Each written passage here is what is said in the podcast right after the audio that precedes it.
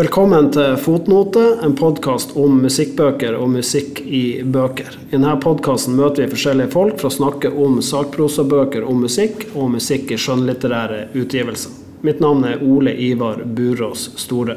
Dagens gjest er Stian Bjørnson Hope. Velkommen. Takk skal du ha. Du er redaksjonskonsulent for musikk, film, spill og tegneserier ved Deichman bibliotek i Oslo. Seksjon samling, hva, hva innebærer det? Det høres eh, avansert ut. Nei, det er rett og slett at vi er bare seks stykker som kjøper inn alt til hele Deichman-systemet. Så det er mine områder, da. Det er de jeg har ansvar for, for å kjøpe inn.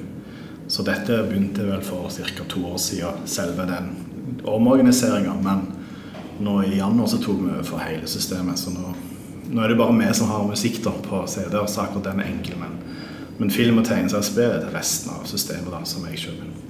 Så du velger ut fra din egen smak hva norske folk skal få låne på deg, mann?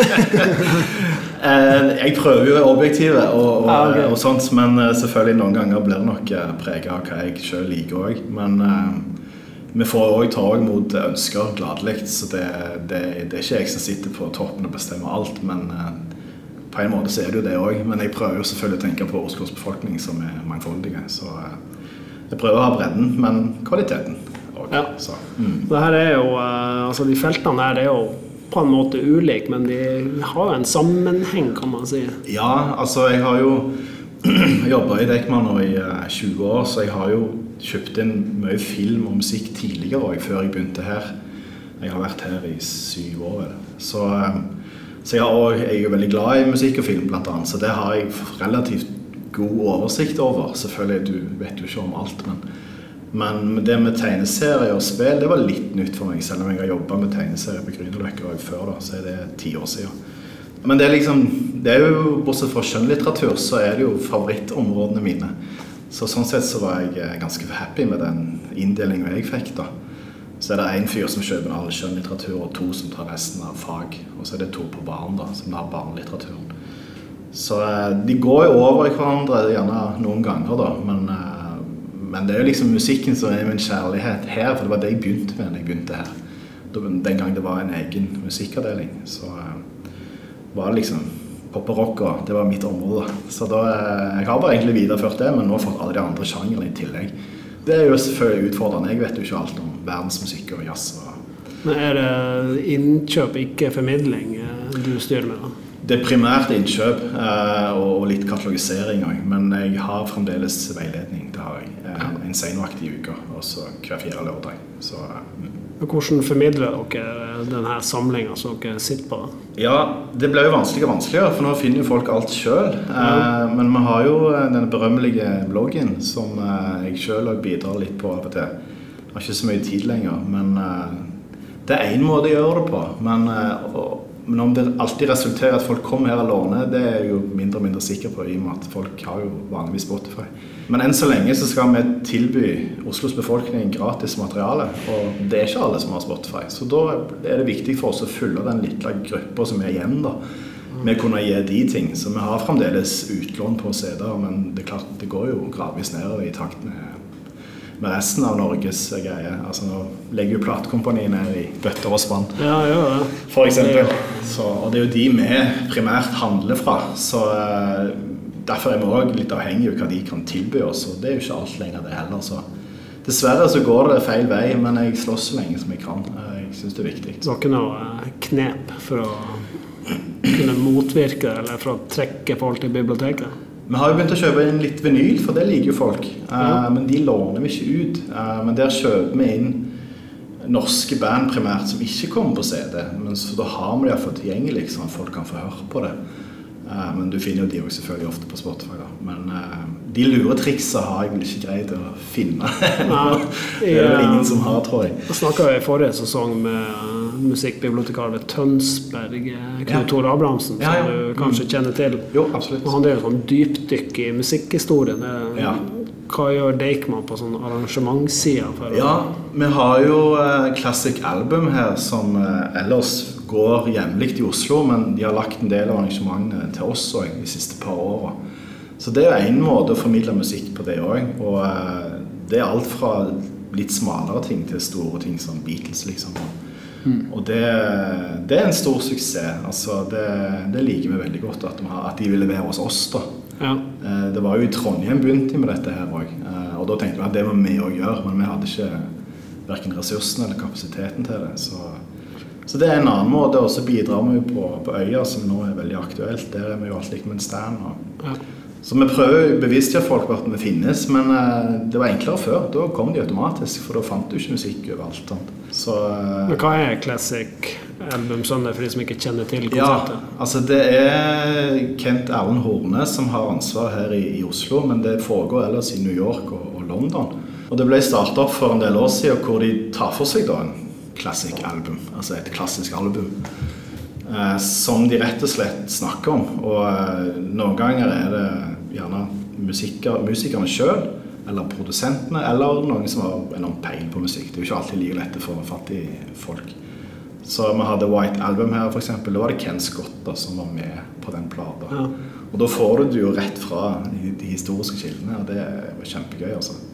Så det er bare, Jeg tror de gjør det kanskje en gang i måneden. Eller kanskje oftere. jeg husker ikke. Men da er det på ulike steder i Oslo hvor de rett og slett har snakker om plater og spiller hele plater på vinyl etterpå. Og det er jo noe av tanken her. da. Sett deg tilbake, legg vekk mobilen din og Ja. lytt på musikken i full skala. da. Eh, med selvfølgelig en veldig fett uh, musikk, musikkanlegg. Så uh, nå er jo meg og deg såpass oppe i 40-åra at vi kan gjerne fremdeles høre på album, men det er jo min sønn skipper jo bare rundt omkring på Spotify eller på YouTube. Jeg gjør jo det sjøl òg. Når, når jeg lytter på strømming, så er det mye skipping. Det mye skipping, ja, ja. Merker at tålmodighet er ikke like Ja. til stede som Nei, jeg har på vinyl. liksom. Det har jo, det er jo skjedd generelt sett, eh, Ja. på godt og vondt, at mobilen kommer mye dippedutter tilgjengelig. Men eh, det er iallfall én måte å nyte musikken sånn som man var tenkt i utgangspunktet, og det er jeg jo gammel fan av fra jeg begynte å kjøpe vinyl sjøl da jeg var ungdom. Så det, jeg liker den, det konseptet da veldig godt, Ja. altså. Uh, Det er et veldig bra konsept for å trekke folk til biblioteket og møtes rundt Det er det. musikken. Og da kommer det jo folk som gjerne aldri har vært her og ikke visste at vi hadde en egen avdeling for musikk i Oslo. Hvor alt er gratis utlån. Og det er jo ikke bare CD-er, vi har jo masse bøker og eh, noter og sånt. Instrumenter har så. mm. Det er en annen ting man prøver på, er å låne instrumenter til folk. Det er òg en annen måte å Så arrangement og instrumenter gjør litt sånn ting som er på sida av det der vanlige utlånet, har vi prøvd på. Men, Ja. eh, Og det, ja, det fortsetter vi med når vi Så de endringene de, de byr også på nye muligheter for, for De gjør jo det, altså. Helt klart. Og eh, nå er det jo lagt opp til at vi skal ha mye mer arrangementer i bibliotek generelt sett, så det har vi jo satsa mye på de siste årene. Og eh, mer skal det bli når vi unnskyld, flytte ned til Bjørvika så, og få større, bedre lokaler. Ja, nye hoveddeichman skal stå ferdig til neste år. Ja, vi overtar i januar, og vi er ikke helt landa på akkurat dato, men eh, mars-april der omkring så begynner vi å lukke opp dørene. Hva kan eh, Oslo-borgerne og andre forvente seg av den nye Deichman? Et fantastisk fett bygg, selvfølgelig. Og eh, med, en veldig bra lokasjon, og ikke minst eh, mye nytt utstyr og større plass til folk å være.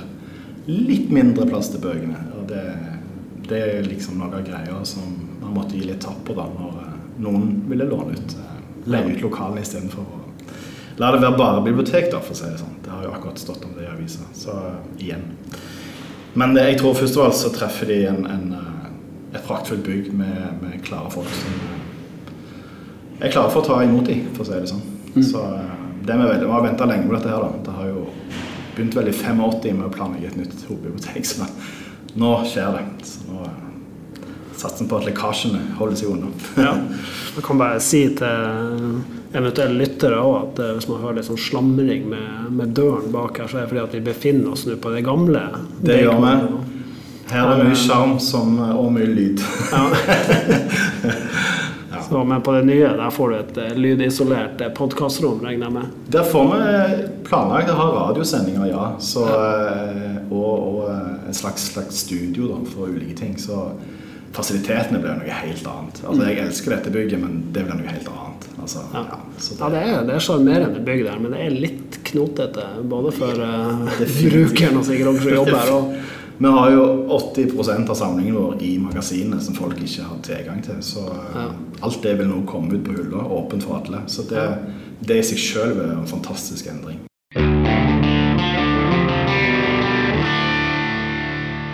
Først må jeg si at det var en utrolig god leseopplevelse jeg hadde med den boka som du, eh, Ja. som du ville trekke fram her i dag. 'Our Band Could Be Your Life' av Michael Assared. Hvilken bok er det her? Først og fremst kan jeg bare gjerne si litt, et langt svar hvordan jeg kom fram til denne boka sjøl.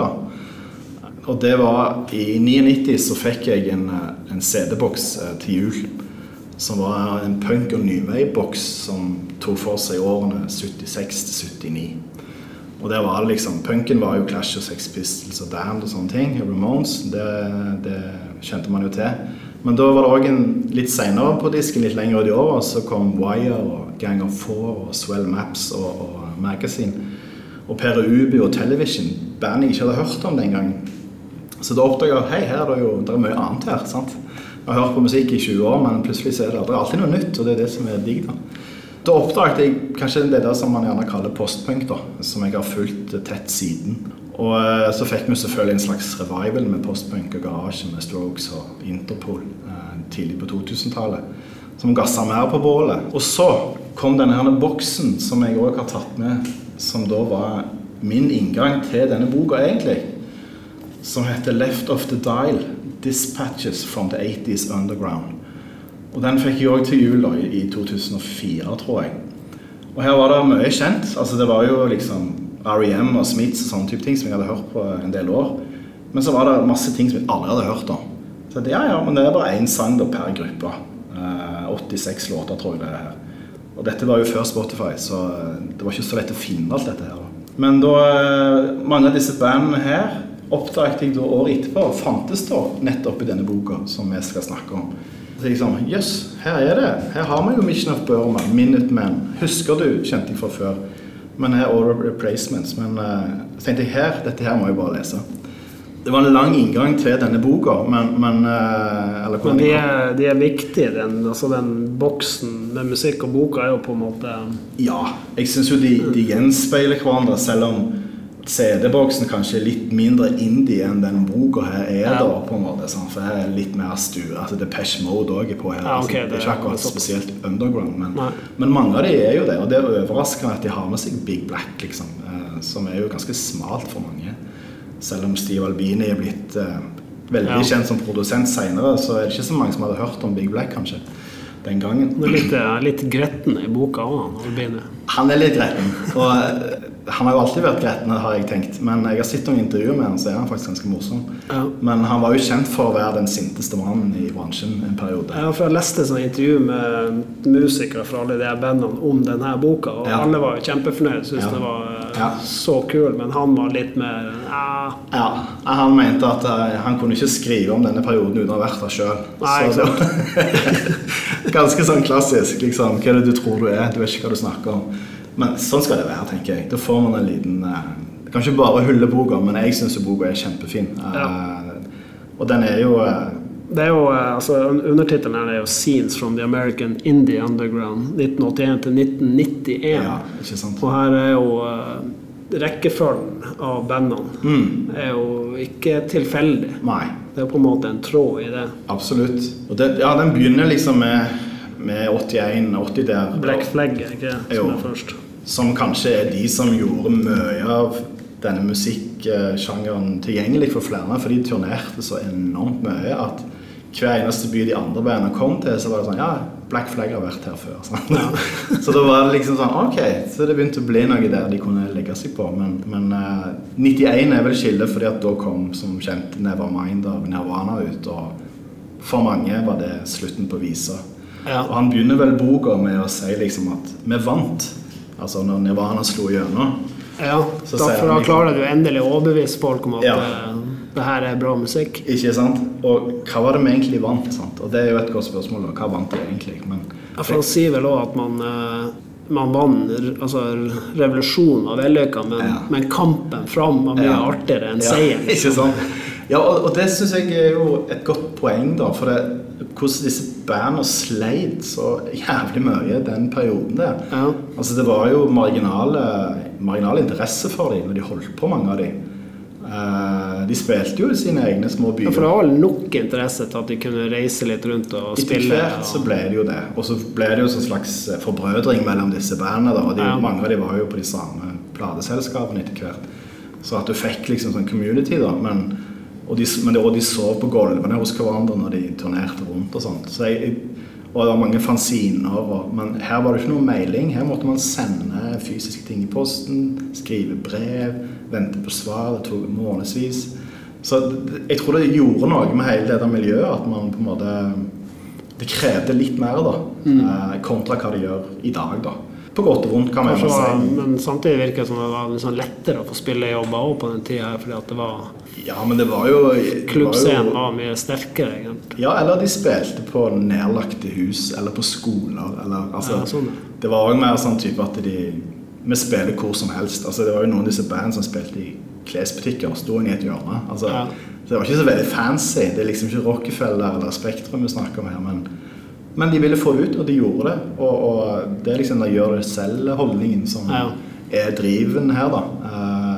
Vi ville gi ut musikk, tenkte de, og da gjør vi det uansett. Hvis ikke de store selskapene vil, vil gi oss ut, så gir vi det ut sjøl. Og det er noe av gjennomgangstråden i boka her er jo at mange av disse bandene starta jo egne plateselskap og ga det ut sjøl. Og satt og limte singlene og skrev på og stempla. Og det er den attityden der til at Det hadde du selvfølgelig lært fra punken òg. Alle kan bare gjøre det sjøl. Du trenger ikke være så jævlig god spiller heller, men bare gjør det.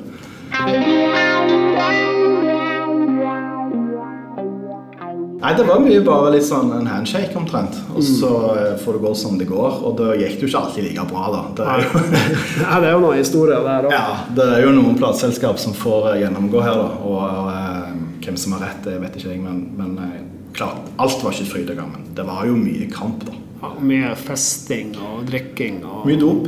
Mye dop og Mye dop og mye aggresjon, og det er mye slåssing. Altså, Ja. ja, for det her er, det skjer jo også på en måte Det er jo Reagan. ja. eh, USAs Reagan, og så er jo samtidig England med Thatcher. Ja. Og det tror jeg er enormt viktig i altså hva sammenheng historisk sett den boka og de bærene holder på, er Det var en veldig turbulent tid. altså Jeg husker det sjøl. Det var jo Nå blir det atomkrig, trodde vi jo i 84, liksom. Så, og det lå bak som et teppe her for de òg, at det, de aller fleste her var jo på venstresida og syntes Reagan var en fjott. Og de var, motivasjonen var jo å rive dette her ned og heller få noe annet. sant? Og det tror jeg du får en sånn dynamikk da, at du er, Det er den gamle greia at du er sint på samfunnet, du skal gjøre noe med det. Om de lyktes? Nei, men gud så mye bra musikk de skapte. da. Ja. Og kanskje det ble noe bedre òg. Jeg vet ikke. For de lykkes jo til en, til en viss grad, kan man si, det at de kan som vi snakker om, at de kan reise rundt og spille, de får gitt ut plate. Så uteblir selvfølgelig det store salget. Og så kommer den her eh, kampen med indie-labels kontra major labels. Ja. Altså REM hadde jo på en måte klart det steget. ja. Og delvis U2 òg, selv om ikke ja. tilhørte akkurat denne scenen. Mm, mm. Mens mange av de bandene som Husker du og Replacement så, ja, som skal ta det steget det, det går et par plater, så er bandene oppløst. Ja. ja, og det er sånn Ok, jeg husker du gikk til Warner, kjempestort selskap. Ja. Uh, og de ga vel ut to plater der, tror jeg. Men var de noe bedre enn de forrige? Jeg vet ikke helt, jeg. Uh, pluss at så ble de oppløst. Men det skyldtes jo òg mye intern strid i, i, eh, Husker du? Og ikke minst Replacements var jo fullebøtter og kranglebøtter de luxe. Jeg eh, Ja. leste nylig en biografi om de òg, og de ødela jo alle sjansen de fikk. og det er trist lesing, for det er bare sånn De hadde jo sjansen. Altså, De var jo egentlig veldig store. Men de bare fucka det opp med dop eller uh, dreit seg ut på pressekonferanser eller uh, spilte bare coverversjoner på konserter. Altså, de bare saboterte seg sjøl, virket det som. da. Men ok, en sammenheng er det sikkert med, med disse plateselskapene òg. Og det var jo en sell-out hvis du gikk til et stort plateselskap. Ja. Da, da var du på fiendens side. sant? Og det er jo mange av disse bandene her som ikke var interessert i noen store kontrakter. De sa blankt nei. Eh, sånn som Mission of Burma, som er et av mine favorittband, de sa nei, vi er ikke interessert i det der. Det, de får gjøre sitt, vi gjør vårt. Og det har de jo stått på, da. Eh, mens andre tenkte hvorfor ikke skal vi tjene penger på dette? Altså, du ble jo kanskje litt lei av å ligge på gulvet til kompisen din etter hvert og bare spise en Snickers innimellom. ja, de blir jo eldre, de her guttene også. De, de, er jo det. Eh, de, mange av de begynte da de var relativt unge, men etter hvert så trekker de på året og får vondt i ryggen. Så ja. Kanskje Sonic Youth er kanskje bandet som skiller seg mest ut fra Som virker til å ha litt mer orden i, ja. i rekkene. Jeg tror de kom fra en litt annen strukturert eh, Altså Mange av disse her var jo kanskje arbeiderklasse, men, men Sonic ja. Youth-folka, uten at jeg vet altfor mye om de, virker som de hadde en litt annen inngang fra kunstskole og iallfall Kim Gordon, bassisten. Litt mer ordna former, kanskje. Eh, og, ja, så var jo eh, altså Kim Gordon og Tørsen Moore var jo et et par. ikke sant? Det ga en viss trygghet. Ja, og det at Kim Gordon var en kvinne og bassist ja, var en sånn uh, Ja, så var de vel ikke så beinharde på, på stoff, uh, uten at jeg vet altfor mye om akkurat det. Men, men uh, de er kanskje litt utafor, men samtidig så var det jo en del av scenen. Og, ja, de er jo veldig så man får et inntrykk av i boka at det er veldig behjelpelig ja. til å hjelpe andre band frem. ikke sant? Ja. Det er jo de som da tipser Geffen om Nirvana. Ja, ikke sant? Og da er jo ringen slutta, men det var litt for tidlig? Var det ja, det var kanskje litt for tidlig. Ja, for når Nirvana kommer, så, eh, så blir jo det altså, Jeg trenger ikke å si noe mer om Nirvana, men det på en måte slår jo beina under hele denne scenen på et vis. Ja, jeg jeg syns jo Altså for meg, jeg var i 91, så var jeg liksom 19 år. Uh, og når Nirvana kom, så var jo det Da hadde jo ikke jeg hørt om mange av disse bandene der. Så for meg var det bare en inngangsport. Ja. Uh, de liksom viste at oi, det er kule ting på radioen, som Jay Maskey sier i boka. Altså jeg endelig spilte noe kult på radioen. Mm. Jeg ble aldri noen sånn grunge-fan, men Nirvana likte jeg. Uh, de, de, Iallfall Nevermind uh, syns jeg var kjempebra. Det gjør vel de fleste ennå, liksom. Eh, den holder seg, den. Men da er det jo sånn, de har jo ikke gjort dette har du ikke skapt i et vakuum. Det har jo skjedd noe før. Ja. Så da blir man litt sånn Ok, hva er røttene deres? Hvor, eh, hva skuldre de står på? Og enkelt sagt så kanskje ikke man hadde hatt noen av det hvis ikke Pixies hadde vært før de. Og ingen husker du, ingen Pixies kanskje heller. Altså, ja. Men det som Nirvana gjorde det jo litt vanskeligere for de her andre bandene å på en måte ta det steget. For at ja. de hadde allerede gjort det, og de ble så kjent. Ja, og samtidig at hvis du snudde ryggen til, ja. så var det på en måte akterutseilt. Ja, ikke sant. Og det er sikkert litt vanskelig å følge opp. Eh, altså jeg tenker Etter Nirvana og hele grunge-eksplosjonen, så da ble de store selskapene interessert i denne type musikk. Sant? Og, og som han sier, ser at i boka, de begynte å støvsuge miljøet etter den neste store Nirvanaen eller Pearl Jam. Uh, og det kommer jo mye drit i, i kjølvannet av det. Uh, så den indie-scenen som denne boka snakker om, som virkelig var en indie-scene, uh, dvs. Si independent, altså de gjorde det sjøl, den forvitra vel mer eller mindre, eller iallfall ble veldig annerledes. da. Men ok, jeg tenker som sagt Nirvana var for mange kanskje en inngangspunkt til å finne ut hva som har vært før òg. Eller, og Nirvana førte jo til mye bra òg seinere. Altså, jeg skal ikke kritisere Nirvana som sådan, men, men, det ble jo mer enn musikken. Det ble jo en, en kledning. Altså, du skulle gå med flanellskjortene og hull i buksene. Ja. Og, uh, hvis du ser den filmen 'Singles' med Matt Dillon, ja, så syns jeg jo den har en ganske fin, fin vinkling på det. da uh, Selv om det kanskje gjør litt narr av det. Så ja Men det, det, er ikke alltid bare musikk. Mote henger òg inni der. Og det grunchen er et eksempel på det, kanskje. Hvor det til slutt gikk galt, kanskje.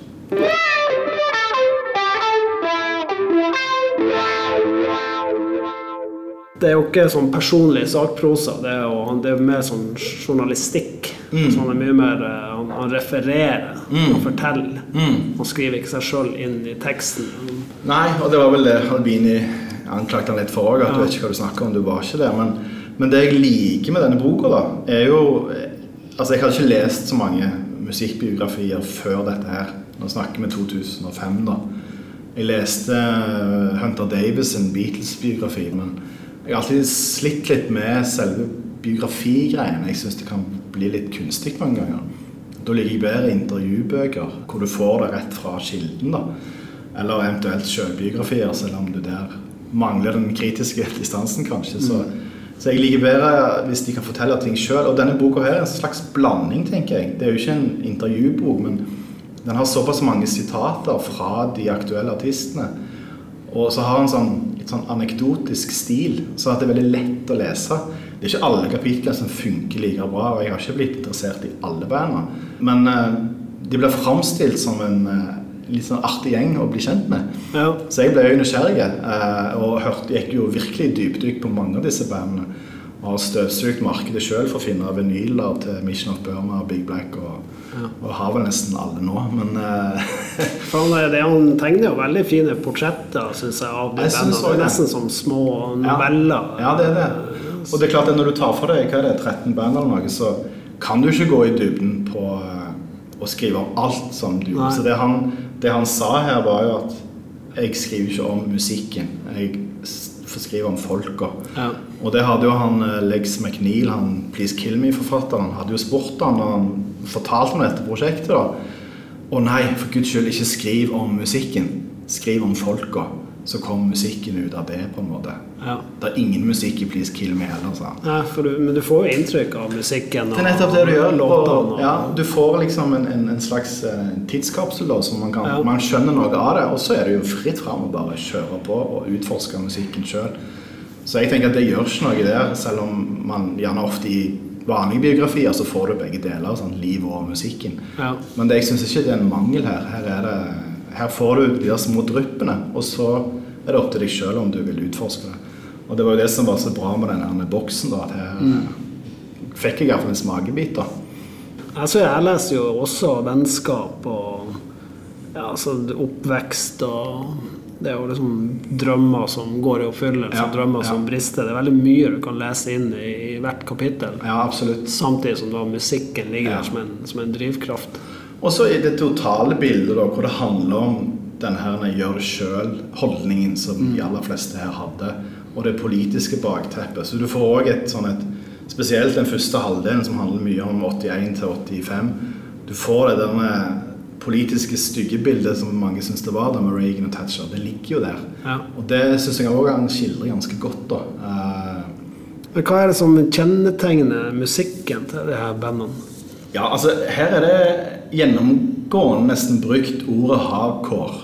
Og eh, mye av det er jo hardcore, altså Black Flag og, og til dels husker du, selv om de er mer poppete hardcore.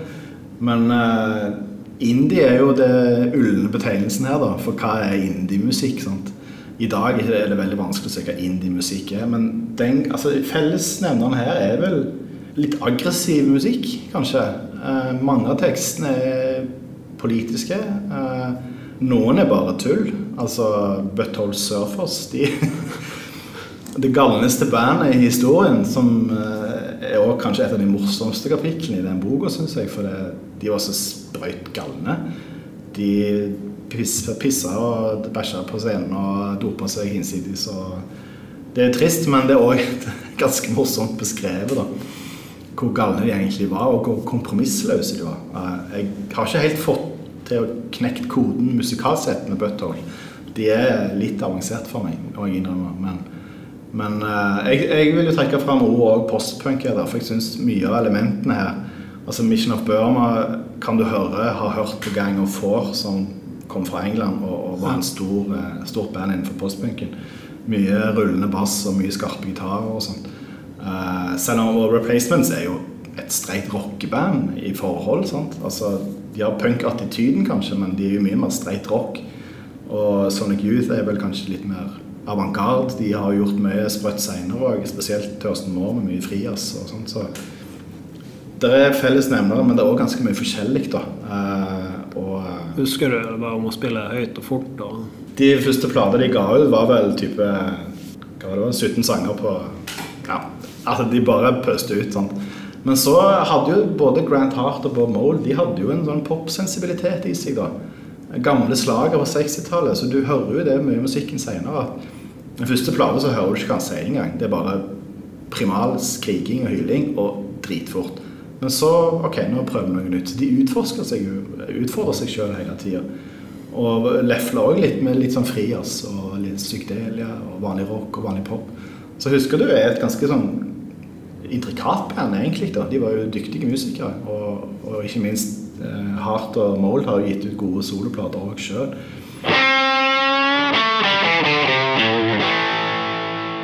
Mission of Burma det er det bandet du har eh, sterkest forhold til? i, i altså, ja. Etter jeg, eh, jeg, kjente jo til noen av disse bandene fra før, men sånn Fugazi, Mission of Burma og, og Big Black er vel de som jeg har utforska mest etterpå, gjerne. Eh, til dels Minutemen òg, syns jeg var ganske spennende. Det var de som ga meg mest, da. Altså, nå hadde jeg jo mye plater fra, fra Husker du Replacements fra før, altså de var kjente, men, men Fugazi var for meg helt ukjent òg, så det var også kjempekult å utforske. Eh, Ja. Jeg var også litt nysgjerrig på det bandet fordi at eh, jeg var veldig glad i Marillion på 80-tallet. Og de har jo en plate som heter Fugazi. Eh, så jeg tenkte hva er dette for noe? Men det så vidt jeg vet, er også et begrep fra Vietnamkrigen. hvor det, var, det betyr noe sånn fucked up. en- Ja. Eller alt går til helsike. Det kan bety ganske mye, da. Men uh, hva selve bandet Fugazi la i valget, det er litt uklart på. Men, uh. Det er jo utelatt fra denne boka. Jeg vet ikke hva forfatteren har tenkt med det utvalget han har gjort eh, med de bandene. Ja, Han hadde vel en slags rettferdiggjøring av valget sitt der i begynnelsen. Og han sa jeg går utelukkende for band som er fra independent plateselskap. Så derfor datt R.E.M. ut, sier han. For de ga ut første singelen på, på et uavhengig plateselskap. Men så kom de på IRS med første EP-en sin. Derfor er de ute. Og det tenker jeg Ja, du har jo rett sånn sett, men R.E.M. var jo òg egentlig ganske viktige i indiescenen i USA. Jeg skulle ønske han hadde de med allikevel, bare for å vise hvor, hvor sentrale de var i selve miljøet. Da. Mange av disse bandene her varma jo opp for hverandre. Så jeg husker du var jo opp for Arian, f.eks. Så jeg tenker at det, han burde tatt med de. Eh, og jeg syns det er rart at Pixies ikke er med, men de gikk vel på, på eh, 4AD i, i England iallfall. Og det var vel ikke indie nok, det, da. Jeg trodde nå de var indie, jeg. Men, men de ville vært en veldig naturlig del å ha med seg Pixies òg i forhold til Nirvana, som har jo virkelig tråkket mye på Pixies. Så det er mange band du kan ha tatt med. Dead Kennedys, hvorfor er ikke de med? De blir nevnt, da. Det er mange band som blir nevnt, men samtidig fanzineverdenen er jo òg veldig viktig. Ja, den er viktig. Ja. Eh, Den er jo altså, veldig Det er jo som elementært å få en liten notis i en fanzine av de riktige skribentene. Ja, da har du scora. Eh, og det var vel Vi har jo alle hatt eh, Eller vi har jo en fanzine i, i Norge òg, men nå er jo den veldig smal, da. Men ja. Tiger her nede har jo fanziner, de, så det miljøet eksisterer ennå, men, men det var noe helt annet en gang på 80-tallet. Men eh, Ja, for her er det jo både litt sånn større organiserte fanziner, men det er jo også enkeltpersoner som lager og, Mm. Ja. og, og deler Ja. ut. Det er jo en kanal du Absolutt. på denne tida fikk vite om musikk. Ikke sant? Og det lurer jeg på, hvis radioen ikke spilte disse tingene, så må du jo Altså Hvis du bor da i en isolert liten by i USA, hvordan skal du finne ut om musikk, da? Altså Nå er jo vi sånn at jeg vokste opp med Ti skuddet, hvor du fikk mye ræl, sant? og det var veldig sjelden musikkprogrammer på TV. Så da var det Radio Luxembourg, på Headbangers Ball på MTV etter hvert. Ja, og- for de som hadde parabol. Ikke sant? Men da er vi jo på 90-tallet, og det ble stort. Ja. Hvis du bodde i blokk og hadde paraboler, så hadde du det. Eh, MTV så ikke jeg før jeg kom i militæret eh, på 90-tallet.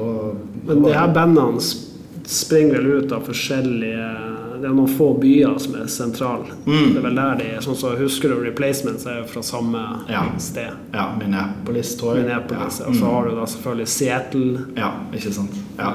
Og det tror jeg bytilhørigheten har vært viktig for mange av disse bandene. Eh, Ja. mens andre band opererer i det helt små i en helt annen by.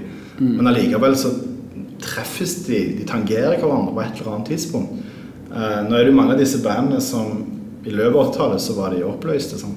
Men i løpet av de, den tiårsperioden her da, så var det jo, ble de jo kjent med hverandre. Og, Ja. eh, noen ble venner, og noen ble fiender. Men eh, men eh, da fikk man et miljø. sant?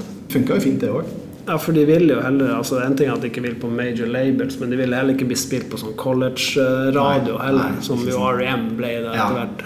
Og det, det kunne jo vært en kanal. Absolutt. Det var nok ønske for flere av de å bli spilt på college, for det er iallfall litt mer stuereint enn enn, disse andre AM-kanalene. Men, men uh, ellers gikk de gjennom teiper. De sendte jo miksteiper til hverandre. Og uh, ga ut Altså Subpop var jo veldig tidlig ute med å gi ut sånne samle-CD-er med band som de mente folk burde høre. da La det med fanzinen og sendte det ut. sant? En fin distribuering. Jeg elsker det når Mojo kommer hver måned. Men jeg For eksempel. Ja, jeg har mange av de. Det er så mange kule mikser der. Jeg har oppdaget så mange band på den måten. Uh, Spilleliste, da blir det altfor mange låter. Du klarer aldri å Nei. Mens de der, når du må konse om Ikke kanskje tolv låter, Ja. så må du være så utrolig selektiv i ikke sant? utvalget. Og da finner du garantert fire-fem av de som du bare Shit, dette må jeg sjekke ut. Ja. Så ja, jeg eh, har brukt mye penger på den måten. Our Band Could Be Your Life. Det er en veldig fin tittel òg, av Michael Asserad.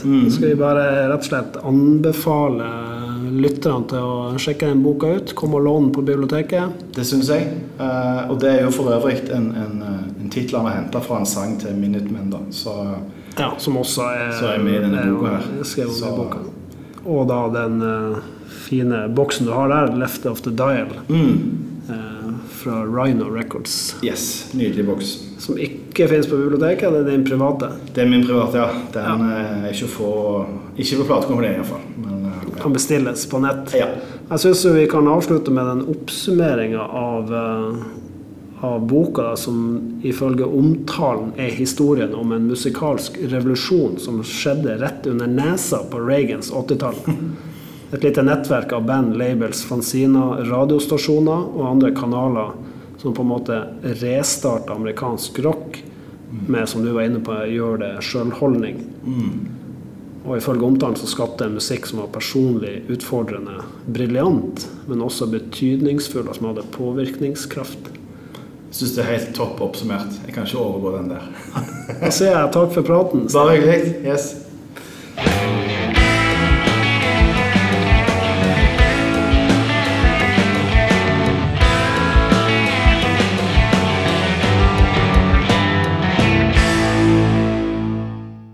Fotnote presenteres av musikknyheter.no og er laga av Ole Ivar Burås Store. Jingles av Jan Roger Trønnes. Intro og redigering av Raymond Jensen. Les mer om fotnote, gjestene, bøkene og artistene på musikknyheter.no.